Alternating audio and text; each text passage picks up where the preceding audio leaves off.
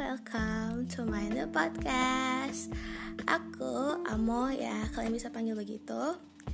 Umur aku sekarang 25 tahun Dan di podcast-podcast selanjutnya aku bakal nge-share Tentang curahan hati, pengalaman hidup, sudut pandang Ya tentang apa pun itu di sekitaran aku yang aku saksikan dan aku ingin ceritakan aku bakal share di sini because aku nggak suka bikin video. Kalian tahu itu?